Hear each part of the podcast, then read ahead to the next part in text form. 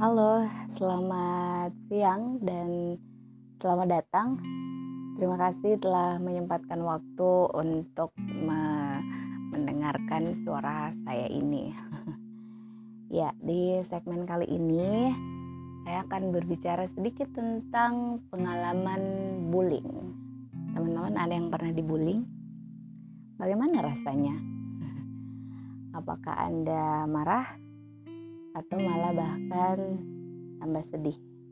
Itu wajar lah ya, tergantung sebenarnya kalau bullyingnya seperti apa. Dulu uh, waktu masih SD sih sebenarnya saya sudah dibullying karena uh, waktu saya masuk SD itu saya adalah siswa yang paling muda dan paling kecil. Jadi jadi sasaran untuk selalu dibullying itu adalah saya. Sudah kecil, muda lagi, ikut-ikut di kelas kami lagi. Ya pokoknya segala sesuatu yang negatif itu ya itu di, di diarahkan ke saya.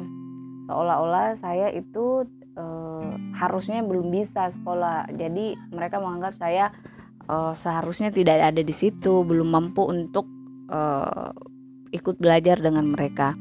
Nah, dari situ saya buktikan bahwa ya meskipun saya kecil begini, badan saya kecil begini ataupun meskipun saya muda, saya bisa kok bersaing dengan mereka, saya bisa kok belajar dengan mereka. Jadi uh, memang sih uh, waktu itu saya cuma ikut-ikutan saja karena uh, di daerah saya kala itu belum ada TK dan di sisi lain saya sudah pengen belajar pengen pengen pengen sekolah seperti yang lain. Jadi umur saya juga baru lima tahun kala itu.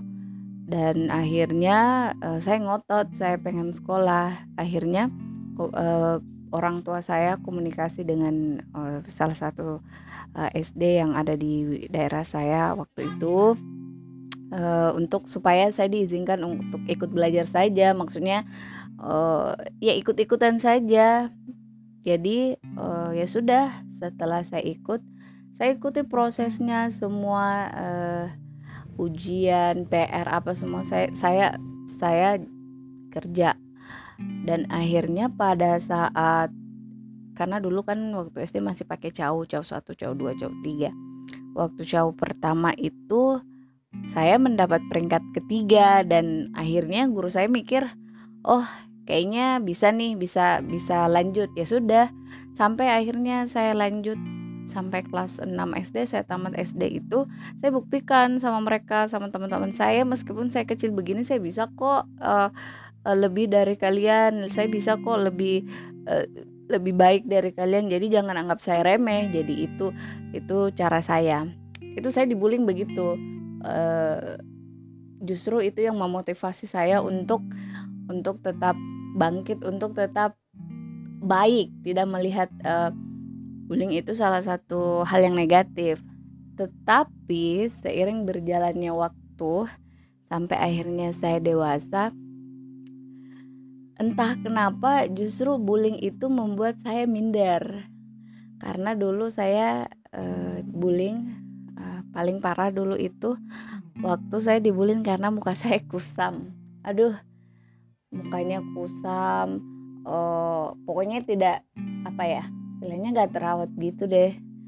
Jadi akhirnya uh, sampai beberapa bulan itu saya saya sama sekali tidak pernah aktif di sosial media. Karena saya pikir aku malu mukaku kan jelek. Uh, jadi saya malu ah di foto diajak foto sama temen pun itu saya nggak mau. Dan akhirnya karena dukungan dari teman-teman dekat saya keluarga saya ya saya harus terima ya memang ini adalah pemberian Tuhan. Tetapi saya mikir cara lain gimana ya caranya supaya saya tidak dibullying lagi gitu. Supaya saya tidak tidak di diejak lagi. Dan akhirnya saya memilih untuk menjadi pedagang pedagang.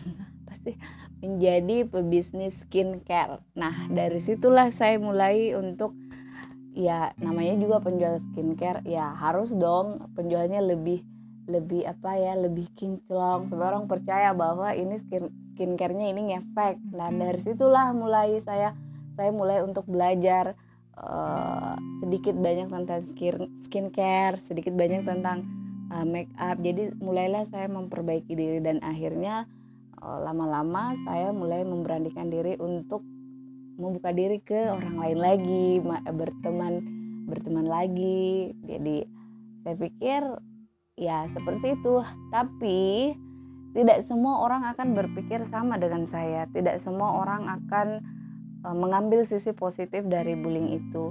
Karena kenapa? Ba, e, mungkin karena kondisi mental setiap orang beda-beda kali ya sama seperti yang saya singgung sebelumnya tentang beberapa kasus bunuh diri gara-gara gerah dengan komentar netizen yang uh, ada di sosial media mereka. Jadi uh, ya memang sih sebenarnya uh, bullying itu sebenarnya tidak uh, apa ya tidak tidak bagus harusnya. Karena ketika misalnya kita bullying orang kemudian orang itu merasa bahwa saya ini gak ada bagus-bagusnya gitu. Memang saya jelek memang saya ini memang saya ini. Dan di saat dia ada di posisi depresi dan dia tidak punya teman, tidak punya pegangan dan lain sebagainya, dia tuh benar-benar jatuh dan akhirnya ya mungkin kalau saya bunuh diri ya masalah sudah selesai seperti itu. Dan miris sih sebenarnya uh, melihat kasus-kasus seperti itu. Jadi apa yang ingin saya sampaikan melalui podcast ini adalah bahwa teman-teman tolonglah. Nggak usah oh, apa ya nggak usah menyebar ujar ujaran kebencian lagi deh.